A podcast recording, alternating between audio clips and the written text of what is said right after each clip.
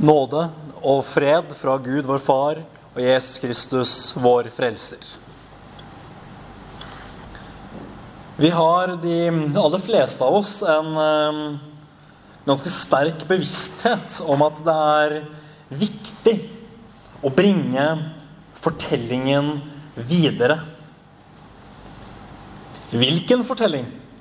Jo, fortellingen om Jesus, naturligvis. Det som er selve evangeliet. At Gud selv for vår skyld ble menneske og gikk inn i vårt sted. Den vakreste fortellingen som finnes. Som forteller oss om Guds nåde og om syndenes forlatelse.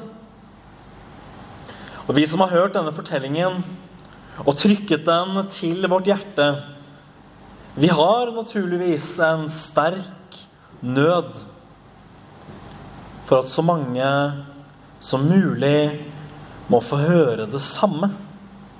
Så vakkert er det.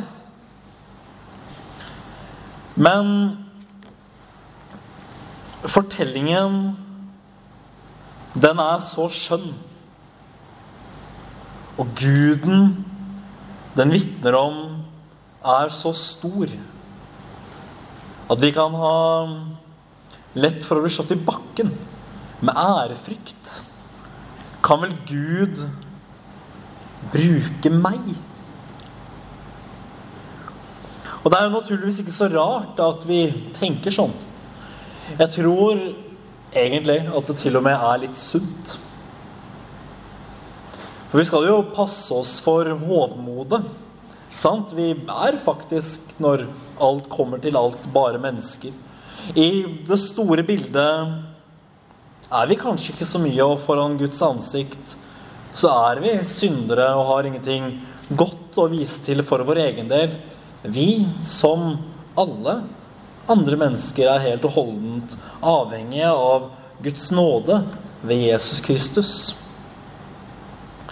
Men hva skal vi da gjøre? Skal vi bare trekke oss tilbake og tenke at vi kan ikke bidra med noe som helst i Guds rike?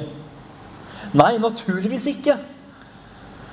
For Gud, som har gitt oss sin nåde til å være hans barn,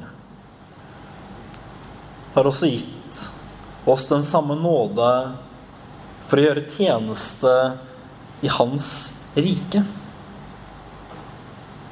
Derfor så må vi holde fast nøden til å bringe fortellingen videre og holde den sammen med en sunn frimodighet til å forkynne ordet.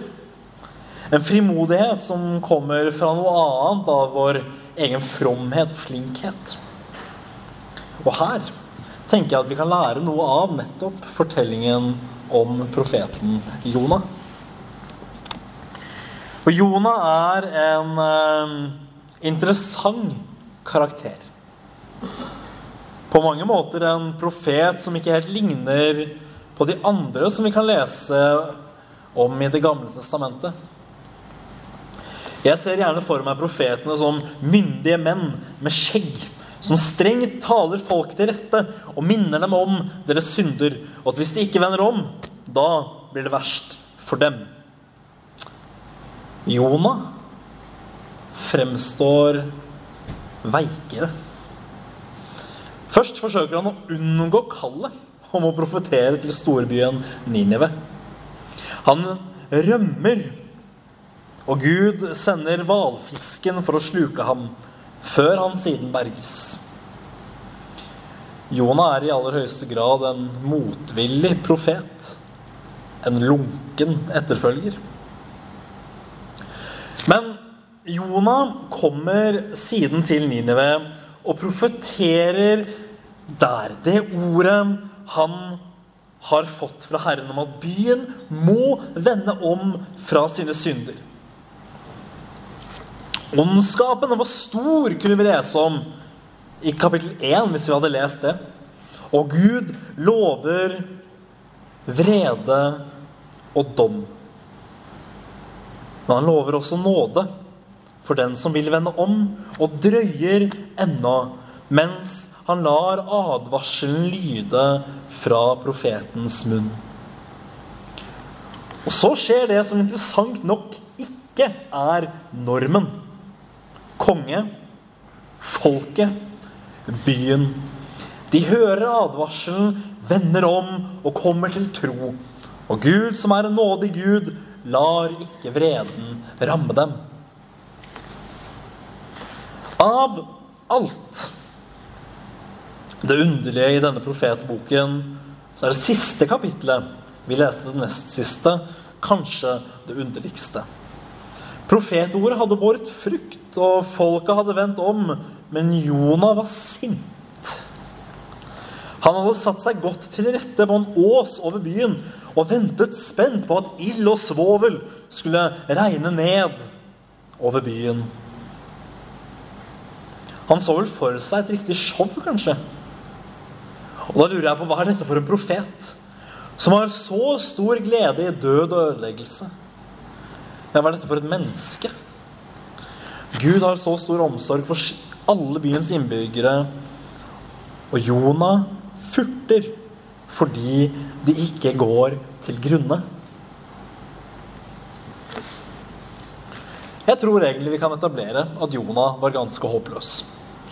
Men hvorfor er fortellingen om Jonah så interessant for oss i dag? Det er jo nettopp fordi Gud aktivt brukte Jonah. Her har du altså en profet som framstår svak og ynkelig. Han unndrar seg først kallet, for han siden furter når ting ikke går som han hadde ønsket seg. Et ondt ønske attpåtil. Hva i alle dager er dette for en Herrens tjener? tenker vi kanskje før vi ser på oss selv. Hva i alle dager er vel jeg for en Herrens tjener? Kunne Gud bruke Jonah, så kan vel Gud også bruke meg. For Gud brukte Jonah. La det herske forsvinnende liten tvil om det. Og Jonah var en stor Herrens tjener. Gjennom profeten Jonas' munn kom hele storbyen Ninive til omvendelse og tro på Herren. De vendte om fra sin onde vei.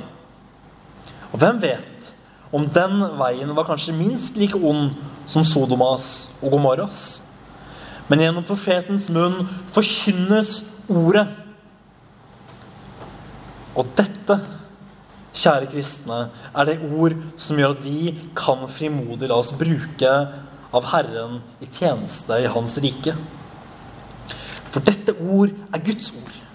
Og når det er det som forkynnes, da vet vi at det er ikke opp til oss. Kan vel Gud bruke meg? Ja, det er klart han kan det. Opp gjennom historien har Gud brukt et mangfold av feilbarlige mennesker Moses som stammet. David som stjal en annen manns kvinne.